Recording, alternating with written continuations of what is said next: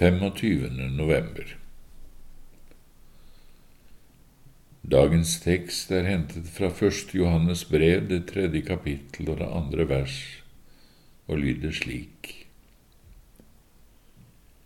Det er ennå ikke blitt åpenbart hva vi skal bli, men vi vet at når Han blir åpenbart, skal vi bli lik ham, for vi skal se ham som han er. Rosenius skriver. Johannes sier at vi ved å se på Gud skal bli lik ham. Apostelen antyder da at det å se på Gud skal ha den virkning på oss at vi blir lik ham, slik at den herlighet som stråler ut fra ham, skal gi gjenskinn i våre legemer. Ja, kunne Mose ansikt skinne bare fordi han hadde stått foran Guds ansikt på Sinai? Og kan vi allerede nå, ved at vi i troen og ånden ser Gud, bli forvandlet til det samme bildet, fra herlighet til herlighet? Så må da selvsagt også hans bilde når vi ser ham ansikt til ansikt prege seg i oss på en helt annen og mer fullkommen måte enn her på jord. Hvordan vi skal bli lik ham, er det bare Gud som kjenner. Men så mye er sikkert at da skal Han fullkomment gjennomberette det bildet av ham som Han fra begynnelsen skapte mennesket i og som vi mistet i syndefallet. Skriften sier uttrykkelig slik vi har båret bildet av den jordiske, altså Adam, slik skal vi også bære bildet av den himmelske, av Kristus.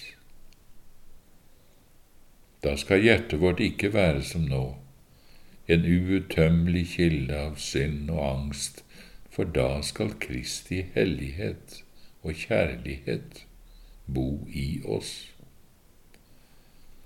Da skal, vår, da skal vår forstand ikke lenger være dekket av vår falne naturs mørke, men opplyst av Guds eget lys. Vår samvittighet skal ikke lenger være preget av den uroen, anklagen og redselen som har plaget oss her, da har den ro og fred i Guds kjærlighet og i den hellighet som da bor i oss. Da skal vi aldri mer synde mot vår Gud, aldri mer måtte sukke over at det gode som jeg vil, gjør jeg ikke, men det onde som jeg ikke vil, det gjør jeg. Da skal vi fullkomment være langt mer gode og hellige enn vi her i livet noen gang kunne håpe og ønske. Da skal ikke vårt legeme lenger smittes av syndige begjær eller med sykdom og skrøpelighet, men alltid være rent og skjønt, friskt, sterkt og lett, for nå skal det være likedannet med Kristi herlighets legeme. Herren sier selv, da skal de rettferdige skinne som solen i sin fars rike. Vi skal bli lik ham når Guds egen fullkommenhet avspeiler seg i våre sjeler og legemer, og helt og holdent hersker over oss. For da har vi på ny de egenskaper som tilhørte Guds bilde, som også gjør seg gjeldende i enhver god ånd, og som Gud i tidenes morgen skapte oss med.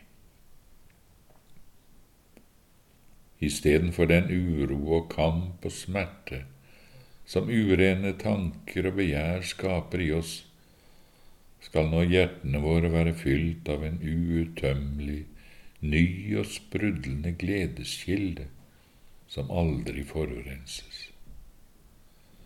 Dette og mye mer hører med når vi skal bli lik den hellige og herlige Gud. Men Skriften taler særlig om at vi skal bli lik Gud i kjærlighet, ettersom jo kjærligheten er en vesentlig egenskap hos Gud. Ja, Johannes sier at Gud er kjærligheten. Og blir vi lik Gud i kjærlighet, da må vel også vårt frelste liv i himmelen få en stor del gi seg utslag i en tilfredsstillelse av den sanne kjærligheten. Det som også nettopp vil skje når vi får se den frelste skaren som ikke kan telles, og se dem oppleve den samme ære, salighet og trygghet som oss. Hva det vil bety å se så mange frelste i himmelen, kan et Guds barn få en anelse om når vi allerede her på jord ser hva som skjer når Guds nåde overbeviser og inntar hjertene. Tenk da hvordan det blir når vi i Guds paradis skal se utover skaren av mennesker som alle her nede har kjempet med synd, farer og angst, men nå står frelst og trygge i Guds evige hvile.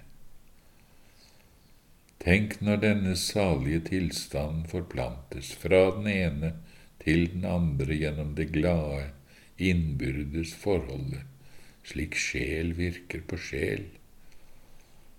Ja, vi sier det enda en gang, tenk når alle Guds barn, som har vært spredd i alle fire himmelretninger på jord, er samlet i sin fars rike, og alle har de opplevd sin egen store synd og Guds enda større barmhjertighet, tålmodighet og trofasthet. Hvordan vi da, med forklarede og fullkomne holdninger og egenskaper, når vi ser ham ansikt til ansikt, skal minne hverandre på og fryde oss over alt det vi opplevde av Guds hjelp og langmodighet i våre liv, og nå også forstå sammenhengen i alt det vi opplevde. Selvsagt vil alt dette fylle vårt hjerte med en usigelig fryd.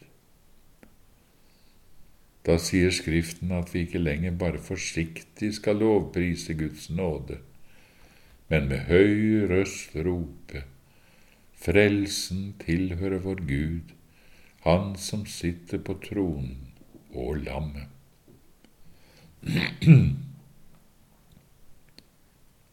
og med tanke på vandringen her nede på jord, og den fryden vi nå har i Guds nærhet, skal vi utbryte. Er dette arven som kostet Jesus Kristus hans blod? Å, velsignede løsepenge og velsignede kjærlighet. Er dette troens mål? Er dette den herlighet Skriften talte om? Er dette slutten på all min nød? all ydmykelse, mine bønner og kamper. Ja, da var sannelig prøvelsene små mot den arven jeg nå eier. Og døden skal ikke være mer, heller ikke sorg eller gråt eller smerte skal være mer, for de første ting er veket bort.